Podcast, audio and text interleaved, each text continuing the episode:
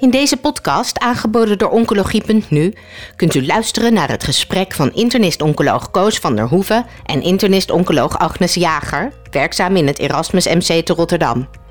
Aan bod komen de laatste ontwikkelingen met betrekking tot borstkanker, gepresenteerd tijdens de ASCO 2021 Virtual. ASCO 2021, ehm, ook dit jaar weer virtueel. En ik ga nu praten met dokter Agnes Jager internist-oncoloog uit het Erasmus MC. Ze is ook voorzitter van de Boog.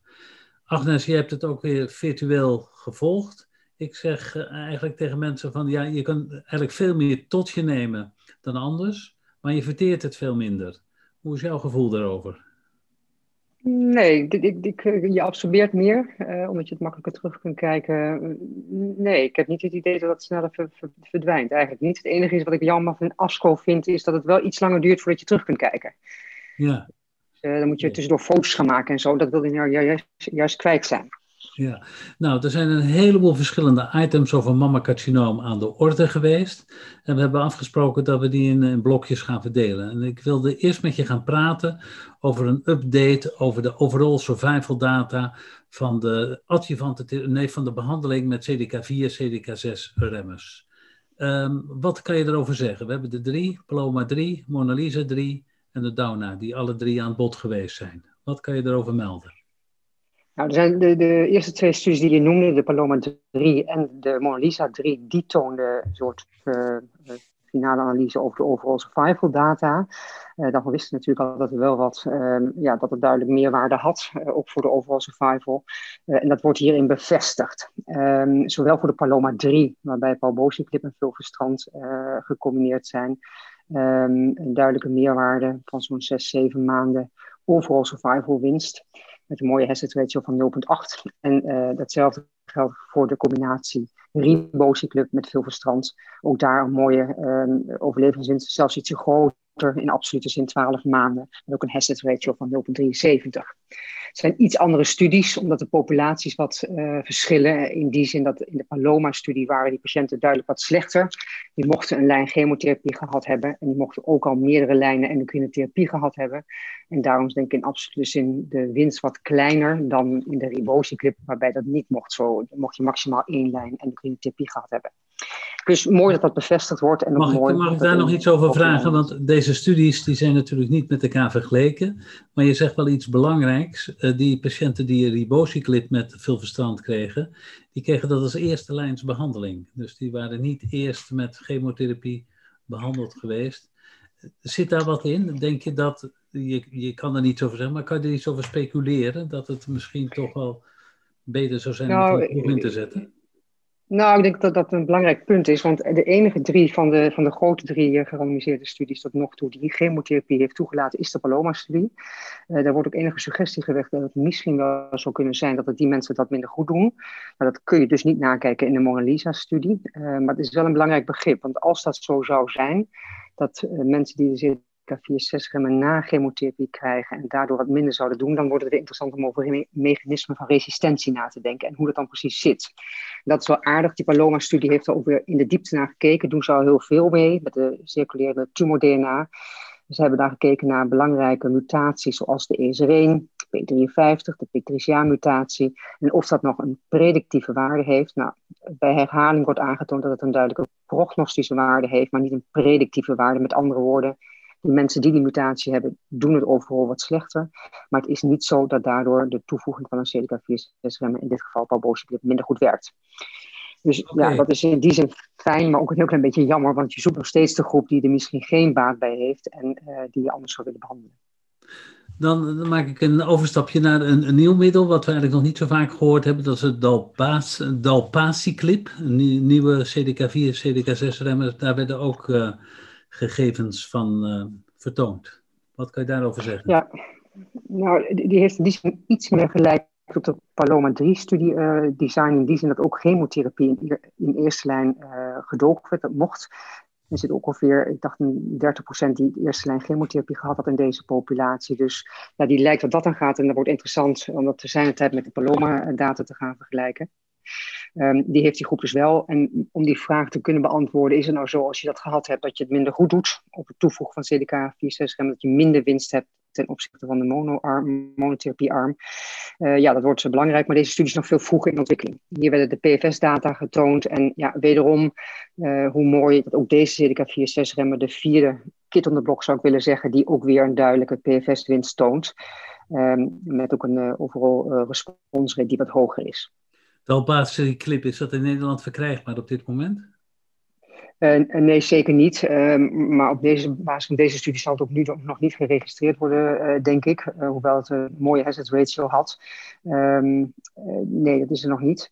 Um, er zijn ook hier weer subgroepanalyses gedaan. En conform alle andere studies ook hier geen duidelijk verschil. Hoewel ook hier enige suggestie gewekt werd van die chemotherapie die ik al noemde. En misschien bij die bone-only disease, dat die het wat minder goed doen. Nou, en dat hebben we dan weer eerder gezien uit mijn hoofd bij de animatieclip. Waar volgens mij ook die groep het juist wat minder minder baat had van het toevoegen van de CDK4-6-remmer. Ja, wie weet wordt ooit dit allemaal geclusterd en krijgen we antwoord op dat soort vragen. Wij hebben in Nederland nog steeds de SONIA-studie lopen.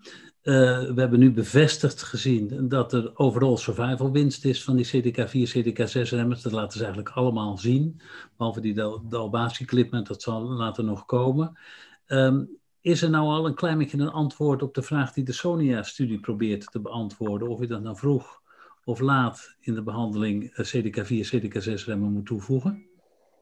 Dank voor het bruggetje naar de Sonja-studie. Mijn zin is een buitengewoon belangrijke studie. Hebben het ook hier weer genoemd als zijnde uh, belangrijk om daar het antwoord op te krijgen. Waarom?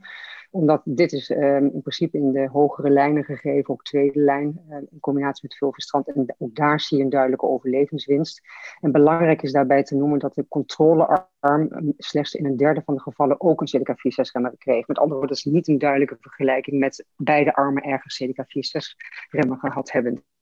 En ik denk dat deze twee studies, die het juist in een tweede lijn geven, nog steeds een, een overal survival winst kunt boeken, dat de vraag van de Sonja-studie alleen maar prangender wordt.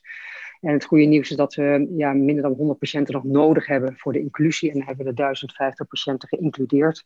Dus een oproep aan een ieder om dat uh, laatste uh, speurtje te maken. En dan draad moet ze nog een tijdje follow-up zijn. Maar ja, we zijn echt dichtbij dat de studie in ieder geval vol is. En ja, wat zou toch ontzettend mooi zijn als we daar over anderhalf jaar de resultaten van kunnen zien. Ja, en 100 patiënten, dat moet geen probleem zijn als je er al zoveel hebt geïncludeerd en er komen belangrijke gegevens over.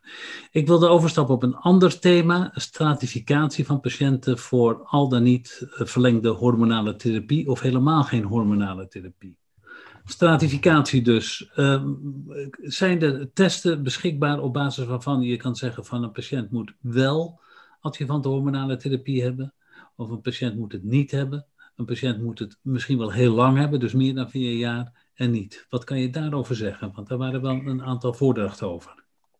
Klopt. De NSABP B12-studie uh, is daar met name voor gebruikt. Dat is een studie die gekeken heeft naar extended hormonale therapie na vijf jaar of augmentase remmen of de uh, half om half, de 2,5 jaar tamoxifen, 2,5 jaar AI.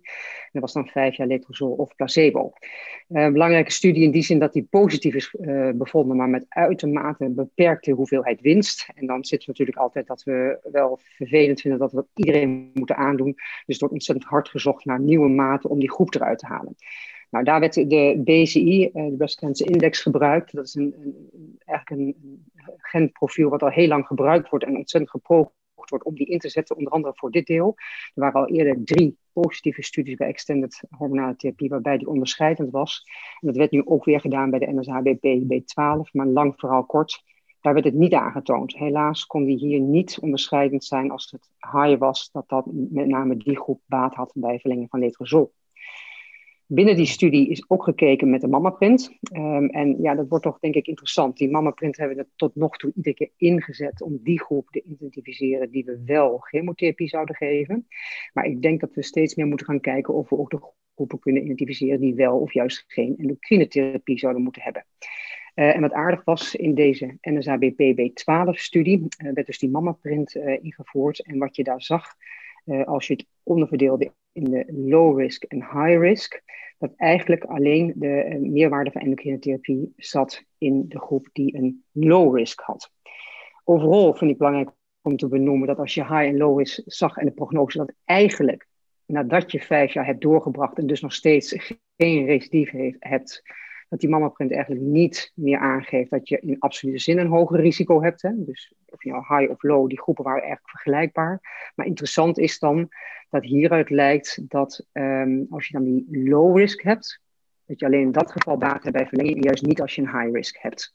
Dus dat zou iets kunnen zijn om die groepen te identificeren met ho uh, hoog en laag risico. En wat je bij de mammaprint uh, nog als extra informatie tegenwoordig krijgt, is dat je niet alleen een low risk kan hebben, maar ook ultra low risk. En, ja, dat vind ik ook buitengewoon interessant, want ja, dat, dat uh, is opgezet, die studie, de ultra low risk binnen de mammaprint, om in, in laat maar zeggen, de genexpressie die uitgelezen wordt, die groep te identificeren die na 15 jaar nog steeds geen ziekterecidive heeft. En dat is natuurlijk een heel aardig uitgangspunt. En dat lijkt wel vrij robuust te worden zo langzamerhand. Dat is toch gevalideerd in de STO2-data, waarbij er een groep was die geen uh, nabehandeling had gehad. Dus ja, dat lijkt echt een groep die zo'n goede prognose heeft en zo blijkbaar laag risico om te metastaseren, dat zelfs endocrine therapie mogelijk geen meerwaarde heeft. Maar dat is hier ook bekeken. En ook hier lijkt weer dat die verlenging in ieder geval helemaal niet zinvol is in die groep die een ultra-low risico heeft. Dus dan heb je drie groepen. Ultra-low wel geen baat, high-risk geen baat en misschien die low-risk wel baat bij extended hormonale therapie. Moet geverifieerd, maar is denk ik hoopvol. Ja, dan gaan we even terug naar de groep patiënten die, die eigenlijk op basis van klinische informatie al een, al een goed risico heeft. Maar daar was een eh, presentatie van Lopez Cardoso uit het Antonie van Leeuwenhoekhuis, waarbij ook gekeken is naar high risk, low risk en ultra low risk. En of er dan misschien een groep patiënten was bij wie je adjuvante hormonale therapie helemaal achterwege kon laten. Wat kan je daarvan zeggen?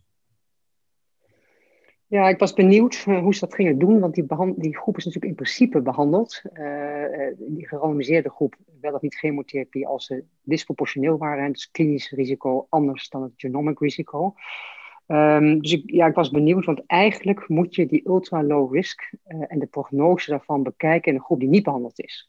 als dan die prognose nog geweldig goed is, kun je zeggen, nou die is geweldig goed, ondanks dat ze geen, geen, geen endocrine therapie gehad hebben, zoals dat in die STO2-studie gedaan is.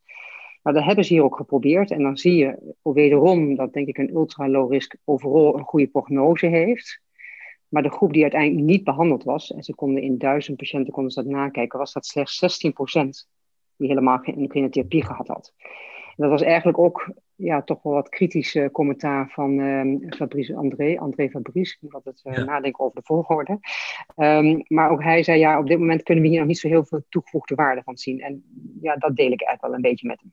Dus getalsmatig is dat eigenlijk te klein om daar nog hele harde conclusies aan te verbinden. Ja, denk ik wel. De-escalatie. Eh, we proberen tegenwoordig met, met de minder medicatie, met minder toxiciteit, toch hetzelfde effect te bereiken. En we proberen dan chemotherapie minder te geven, anticyclines eruit te laten, maar kan je nog verder deescaleren. En dat is onderzocht in een uh, belangrijke studie waarbij uh, bij HER2-positieve patiënten um, neoadjuvant behandeld werd. En er werd gekeken of je misschien wel de chemotherapie helemaal weg kon laten. Wat kan je daarvan vertellen, Agnes? Een belangrijke studie, een mooi concept, uh, waarbij elke patiënt die in deze studie behandeld werd, onafhankelijk van zijn tumortype, uiteindelijk een behandeling krijgt. En in dit geval werd gekeken naar de HER2-positieve hormoonreceptor negatieve tumoren. En inderdaad werd gekeken of je daar alleen met duale HER2-blokkade, pertuzumab, trastuzumab, um, ja, een hoge pathologisch complete remissie kon bereiken en wat de toegevoegde waarde was van paclitaxel. Nou, dat is evident. We weten al dat HER2-duale blokkade uh, tot een, zo'n derde pathologisch complete remissie kan veroorzaken. Dat was ook hier zo, 34 procent. Uh, en de mensen die geen PCR kregen, kregen gewoon adjuvante, uh, nou ja, on discretion of physician, maar wel chemotherapie.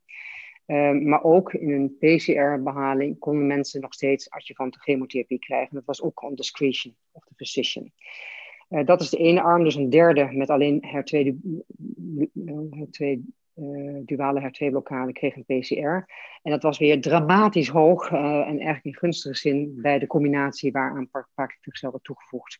Maar liefst 90% had daar een pathologisch complete remissie. Um, belangrijk is wel dat ze hebben nu ook hier um, vijf jaar uh, invasive disease free survival bekeken. En dat ziet er echt geweldig goed uit voor de groep die paclitaxel 12 kuren met duale HER2-blokkade heeft gekregen. Met zowel een uh, invasive disease-free, een distant disease-free, maar ook een overall survival na vijf jaar van 98% met deze combinatie met chemotherapie. Dus dat is fantastisch. Ik denk dat daar heel weinig meer aan te behalen is. De vraag is natuurlijk of je met die HER2-blokkade alleen zonder de chemotherapie de groep eruit kunt halen die geen paclitaxel kan hebben. Ja, ik was een heel klein beetje geschrokken, want um, ik vond uiteindelijk de, de in wezen de disease survival echt wel een stuk lager van de PT-groep, dus zonder paclitaxel, die was 87% ja, en dan laat je toch echt wel wat liggen als je alleen haar twee blokkade doet, 12 kuren, of 12 weken moet ik zeggen, opereert en dan ongetwijfeld bij het merendeel wel chemotherapie toevoegt. Maar dan lijkt je toch zo'n nou, 11% te missen. Dat vind ik wel substantieel. Dus ik denk echt dat dit ja, food for is om te kijken, ja, wat is dat dan voor groep? Waarom is dat dan? Is dat toch omdat je later met chemotherapie begint? Uh, hebben die mensen misschien geen chemotherapie gehad? Dus dat vond ik wel een heel klein beetje zorgwekkend, eerlijk gezegd. Dus um, meer data hebben we hier wel van nodig. Ja, ja. dus dit is nog niet iets wat je, wat, wat je in, de, in de dagelijkse praktijk zou durven te introduceren. Dus als je nou een patiënt bij je hebt die zegt ik wil echt geen chemotherapie, is dat dan iets wat je toch zou kunnen overwegen om die alleen die duale HER2-blokkade te geven? Ja, ik vind het te vroeg. Ik denk echt dat je biomarkers moet hebben. Want ik denk echt dat we goed op zoek moeten naar die een derde die daar alleen eh, genoeg baat bij blijkt, blijft, blijkt te hebben. Ik zou ook wel willen weten van die groep of die PCR alleen bereikt bij duale HER2-blokkade, of dat even goed een surrogaat eindpunt is voor lange termijn als HER2-blokkade gecombineerd met chemotherapie. Ik denk dat het zo is, maar dat moeten we denk ik wel zeker weten. Eh, dus er zijn wel wat stappen eh, te nemen voordat je dat doet, eh, eerlijk gezegd. Ja, maar wat uit deze studie ook naar voren kwam, dat was dat je eigenlijk maar één chemotherapie nodig had. Hè? Dus dat, dat het aantal pathologisch complete remissie met de duale HER2-blokkade en alleen paclitaxel, dat het buitengewoon hoog was. Ja, en dat is denk ik wel met name in de hormoonreceptor negatieve. En ja, ik denk echt dat het de combinatie met paclitaxel is. Want dat is natuurlijk wel met andere middelen geprobeerd. Maar juist die combinatie lijkt, uh, ja, waarom precies, uh, is mij niet helemaal duidelijk. Maar die lijkt buitengewoon effectief. En ja, het is natuurlijk ook wel heel elegant. Want is een grotere uh, indicatiegebied in dit geval dan wat we tot nog toe de paclitaxel 12 kuren geven. Een Tolani-schema. En hier zitten mensen in met ook N-plus ziekte en ook met T T2-tumoren. Dus ja, ik denk dat het indicatiegebied echt op, uh, opgerekt kan worden. maar er zijn in Nederland toch ook veel instituten die uh, carboplatin met paclitaxel geven in deze setting. En met zulke goede resultaten voor alleen paclitaxel, zou het wel zo kunnen zijn dat de carboplatin misschien wel weggelaten zou kunnen worden. In de toekomst denk ik dat dat zeker zo is. Um, ik denk wel de, de groep die, die hier onderzocht is uh, anders dan een Tolani-schema, dus die uh, een hogere stadium heeft. Ja, dat moet je nog wel in detail kijken of die net zo'n goede prognose hebben, maar je zou dit wel als een soort de-escalatiemodel kunnen, kunnen doen.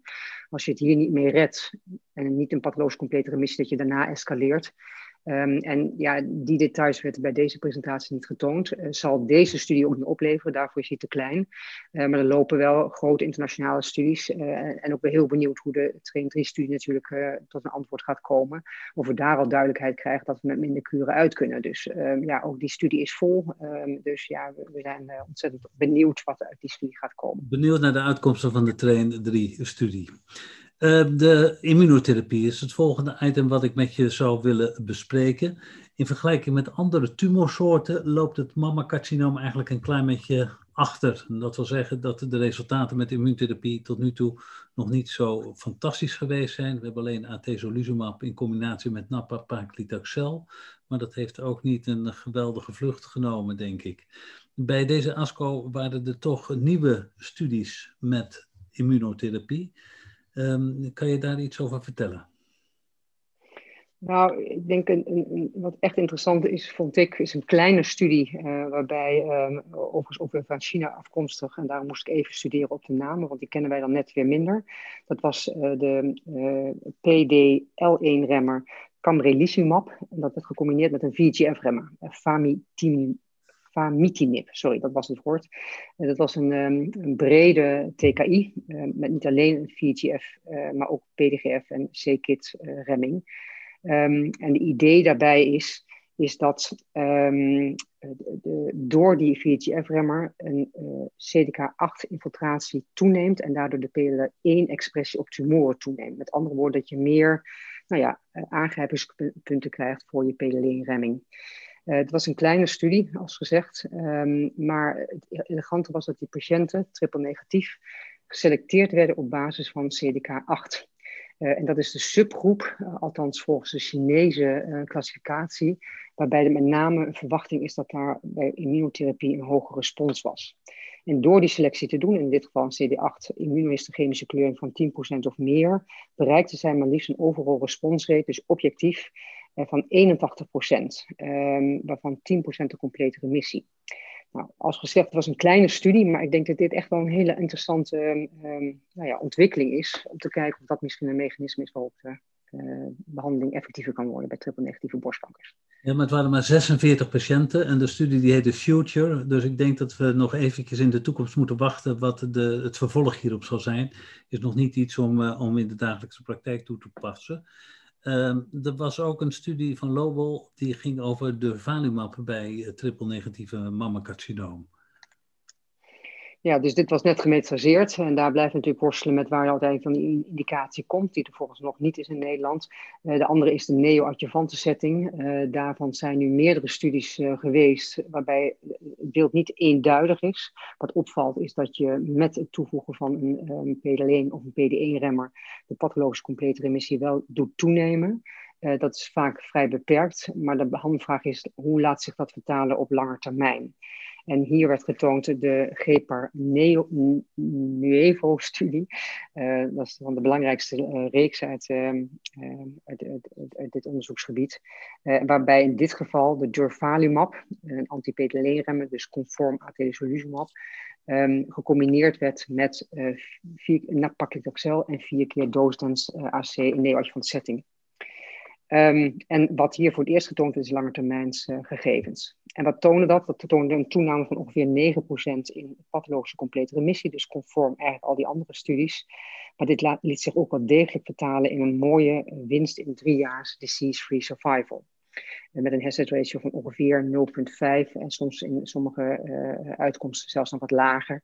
Met een absoluut verschil van zo'n nou ja, 8, 9% in percentage overleving. Wat ik wel zou willen opmerken is dat um, dat is een beetje uh, een wonderlijke start. Want um, ongeveer twee derde van de groep die begon met twee weken run-in met of placebo of met durvalumab. En dan kregen ze een biopt. Daarna startte de studie. En na een uh, DSMB-beoordeling uh, hebben ze daarvan afgezien, omdat ze toch de wachttijd van die triple-negatieve, ja, over het algemeen slechte prognosegroep, uh, wilden ze die wachttijd niet met die placebo. Um, en de rest is dus gewoon zonder dat voorzetje van die twee twee weken geweest. En als je naar de subgroepanalyse kijkt, en die is niet uh, statistisch significant verschillend, maar lijkt het dat met name met die groep die ook die twee weken voorbehandeling gehad heeft, misschien nog wel meer winst te behalen. En dit is, uh, waarschijnlijk krijgt daar geen conclusief antwoord op. Maar voor de gedachte hoe dat soort dingen werken, is dat denk ik wel iets om in de gaten te houden. Het, is een, het was een studie met 174 patiënten, dus is niet, niet heel groot, maar is ook niet heel klein. Je noemde al de disease-free survival, maar ook de overall survival. Die liet een verschil zien van 95 versus 83 procent. En dat is best wel een aanzienlijk uh, verschil, vind ik. Ja, nee, en, en zeker. Dus ik, ik, ik was echt blij verrast met deze studie in die zin dat die, nu, dat, dat die vrij overtuigend was. Omdat het een kleine studie is, moeten we daar absoluut helaas nog wel een fase 3 studie voor afwachten. Dat is denk ik ook terecht, zeker met dat argument wat ik net noemde. Maar wat ik ook bijzonder interessant vond, is die groep die onder de durvalumab een pathologische complete remissie had was 0% had daar een recidief van. Uh, na een mediane follow-up van ja, slechts 43 maanden. Maar je kon toch al een driejaars uh, uh, overal zo vaak een IDV, die IDRS van maken. En dan denk je, ja, dan ga je, dan ga je echt de goede kant op, zou ik denken. maar goed, we hebben nog steeds die groep die geen PCR heeft. dus daar moeten we wel iets anders voor bedenken. Het benadrukt nog eens een keer het belang van het krijgen van een pathologisch complete respons bij neoadjuvante therapie. Ik wil met je verder gaan over de PARP-remmers. Daar, daar hoorden we eigenlijk al bijna twintig jaar, denk ik, dingen over. Maar zo langzamerhand komt het toch een klein beetje tot rijping. Um, er werd nu ook gerapporteerd over adjuvant olaparib bij het mammacarcinoom. Wat waren daarvan? Ja, Ja, dat was denk ik niet voor niks een late-breaking abstract. En had op de plenary session uh, kwam hij tot, tot zijn recht. Want het is echt een fantastische doorbraakstudie, denk ik. Olympia-studie, eh, de hele grote gerandomiseerde studies uh, die gekeken heeft op het toevoegen van adjuvante olaparib gedurende een jaar ten opzichte van placebo meerwaarde had bij bewezen BRCA-mutaties uh, met of een triple negatieve of een hoog risico ER-positieve tumor. in totaal zijn er 1836 patiënten geïncludeerd. En dat is echt ja, een compliment waard aan de, aan de studie. Gelukkig heeft hij ook in Nederland gelopen en mochten we sommige mensen includeren. Um, en deze studie is um, evident positief. Die is zelfs bij de interim-analyse uh, die door de DSMB beoordeeld is, is de studie afgebroken, omdat ja, niet de verwachting was dat met langer doorgaan een, een uh, andere uitkomst zou zijn. Uh, en in dit geval goed nieuws, omdat die positief was. Ja, ja. Is dat nou zo positief dat je eigenlijk moet zeggen, ja natuurlijk moet het allemaal gepubliceerd worden, moet het allemaal door de autoriteiten beoordeeld worden. Maar als ik het aan jou vraag, is dat nou zo positief dat je zegt, ja, dat moet eigenlijk adjuvant worden toegepast? Want de verschillen die je vindt, die, die zijn groter dan destijds ehm, de toevoeging van een taxaan aan de ADM-machine bevattende chemotherapie. Um, daarmee kan ik geen nee meer zeggen, maar dat vind ik ook, uh, Koos. Ik vind dit, uh, dit is echt zijn hele mooie resultaten. Um, voor de hele groep was er slechts 2,5 jaar follow-up, maar het merendeel was triple negatief. Dus het is al een goede follow-up duur om daar iets van te kunnen zeggen. En als je dan bijvoorbeeld kijkt naar de drie jaar invasive disease-free survival, dan ging die van 77% naar ja, bijna 86 procent. Uh, dus dat is 9 procent winst met een hazard ratio van uh, ehm, 0,58. Duidelijk statistisch significant. Ja, dat zijn gewoon prachtige resultaten. En ook de overall survival was um, uh, aanwezig met dezelfde trend. Uh, nog niet statistisch significant, maar dus de data zijn echt nog wel heel erg immatuur voor een overall survival uitkomst. het belangrijke is, olaparib kennen we natuurlijk al van um, de ovariumcarcinoombehandeling wordt goed verdragen. Ja, ietsje met toxiciteit, maar ondertussen weten we daar goed mee om te gaan. Dus ja, ik denk echt dat dit een, een belangrijke nieuwe toevoeging is. In de discussie kwam af en toe aan de orde of je dit nu alleen voor uh, BSCA1 en BSCA2-patiënten zou moeten inzetten, of dat je nog iets verder zou moeten kijken naar HR-deficiency. Ja, um, ik had andere discussiepunten verwacht, maar dit was er ook één. Uh, ja, dat is natuurlijk wat we hopen. Uh, en daar is onder andere de Subito trial in Nederland doen we daar onderzoek naar. Dat we die groep die zich gedraagt als een BRCA-like, als een BRCA gemuteerde, dus de BRCA-like, of die ook toegevoegde waarde heeft van hetzelfde type uh, chemotherapie en type um, die studie wordt denk ik nu alleen maar belangrijker. Dat is de hoogrisico mammocarcinoompatiënten stadium 3. Um, waarbij we nu gaan kijken of hoge dosis chemotherapie, waarvan we al weten dat het een hele goede behandeling is, ja, hoe die zich verhoudt ten opzichte van dit schema, inclusief een jaar lang olaparib. Um, bij mensen naast een BRCA-mutatie die dus ook een HRD hebben zonder een germline BRCA-mutatie. Dus ja, dat, dat zou, ik hoop ook dat die, dat die aanswengelt, want ja, we hebben nog een, korte spurt nodig. En uh, ja, dan kunnen we misschien daar ook een antwoord op geven. Ook weer een aanmoediging om daar nog patiënten voor te includeren. Dan uh, tot slot over de PAR-premise is uh, talazoparib, dat is ook neoadjuvant toegepast bij triple negatief mammacarcinoom. Litten, die, die gaf daar een voordracht over. Wat waren daar de resultaten van? Ja, dat, dat, ik weet nog dat ik ontzettend verbaasd was dat ze dat uit durfden. Een paar jaar geleden hebben ze een kleine pilot hebben ze dat geprobeerd. 24 weken lang uh, alleen maar een parpremmer bij mensen die toch best wel ook een significant stadium hadden voor start uh, bij het ontdekken. En, en, dat voorwerp, die, die, die, kleine studie, heeft nu geleid tot deze wat grotere studie. Um, niet gerandomiseerd, open label fase 2. Um, ehm, bij mensen met een bewezen BRCA-mutatie mocht ook eer positief zijn. Uh, en zij moesten, na, moesten um, uh, zij ondergingen talazoprib, minimaal anderhalve centimeter moest het zijn, want je moest het natuurlijk objectief kunnen meten. Um, wederom een soort vergelijkbare pathologische complete remissie. En dat is natuurlijk toch wel aardig van 45 procent. Uh, dus dat is ja, de helft zou je dus met 24 weken parpremmer wellicht uh, tot een pathologische complete remissie uh, kunnen leiden. Waar in totaal 48 patiënten waar het in bekeken is.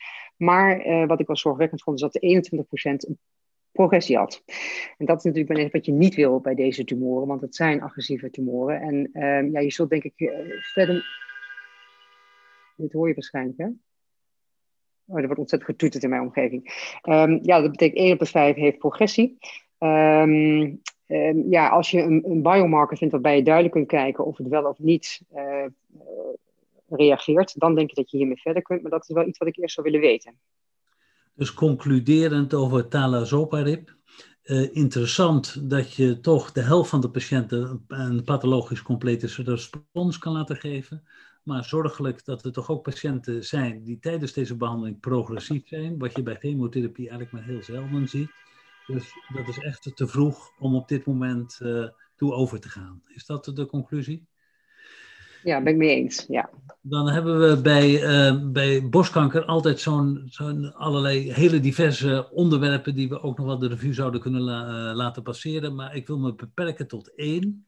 Uh, we hebben patiënten bij wie um, na neoadjuvante chemotherapie bij triple negatief mammacarcinoom geen pathologisch complete remissie bereikt wordt. Die patiënten die geven we op dit moment capecitabine. En er is altijd al vraag geweest, moet je die mensen niet een platinum-derivaat geven ergens in hun behandeling? Daar was een studie over die daar misschien wel antwoord op gegeven heeft. Kan je daar iets meer over vertellen? Ja, die belangrijke vragen. We weten dat die mensen met een PCR het goed doen, maar oh, oh, die mensen die geen PCR die doen het echt slecht. Binnen drie jaar vaak 50% die een recidief heeft. Dus daar willen we echt wat mee. Eh, de Chinese CreateX-studie heeft gemaakt dat we dat nu standaard capcitabine eh, geven. Deze studie was nog in de tijd dat uh, niet duidelijk was waar je carbapenem moest plaatsen. En zij, zoals de CreateX capcitabine uh, bij residuale ziekte wel of niet gaf, heeft deze studie initieel willen zeggen als je geen pathologische complete remissie hebt, als je neoadjuvante chemotherapie geen platinum bevatte, randomiseren tussen placebo of platinum. Maar toen kwam net deze studie uit en toen hebben ze gezegd nee, dan moeten we randomiseren tegen capcitabine. Um, en zij hebben meegenomen de PEM50, waarbij ze kijken of mensen binnen de triple negatieve echt dat basal-like fenotype hebben of die non-basal. En dan is de gedachte dat als je een basal uh, type hebt, dat je dan met name baat zou kunnen hebben van platinumderivaten als uh, adjuvante nabehandeling. Nou, wat opvalt is dat de, de er eigenlijk geen verschillen zitten tussen capcitabine en platinum. Maar wat met name opvalt, is dat die prognose zo ongelooflijk slecht is. Want ze hebben een drie jaar invasion disease-free survival van 42% in de platinumgroep en 49% in de capcitabine groep. Dat is precies die helft die we zo ontzettend ja, willen verbeteren. Uh, dus dat lukt op de een of andere manier hier niet. Um, ja, het was 70% van deze groep had dat basal-like uh, fenotype. Uh, of dat nog bepaalt hoe het dan zit. Uh, en als je dan residuale ziekte hebt na anthracycline, is dat je dan toch daar juist niet gevoelig bent voor plaatsen. Ik weet het niet goed. Um, wat in ieder geval denk ik wel duidelijk is, dat als mensen residuale ziekte hebben, um, dat je eigenlijk geen meerwaarde is van platinum, als je dat niet gegeven hebt in een neoadjuvante setting, boven capcitabine. En dus dat de huidige standaard, om dat alleen met capcitabine te doen, blijft staan. Er waren de mensen die platinum kregen, waren er veel die de behandeling moesten stoppen wegens toxiciteit. Ja, je mag carbapetin en cisplatin geven. Dat is natuurlijk iets wat wij eigenlijk in de, in de regel niet doen. Uh, hebben we eigenlijk ook simpelweg niet uitgetest of dat beter of effectiever is, net zoals in andere tumoren ten opzichte van carbapetin.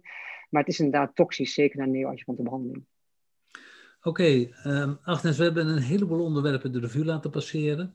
Uh, maar uh, toch een heleboel interessante dingen naar voren gebracht. Lang niet alles, maar dat kan ook niet in zo'n korte tijd. Ik wil je weer heel hartelijk danken voor deze inbreng en wellicht tot de volgende keer. Dankjewel. Graag gedaan. Bent u geïnteresseerd in meer podcasts? Deze zijn te vinden op de website oncologie.nu.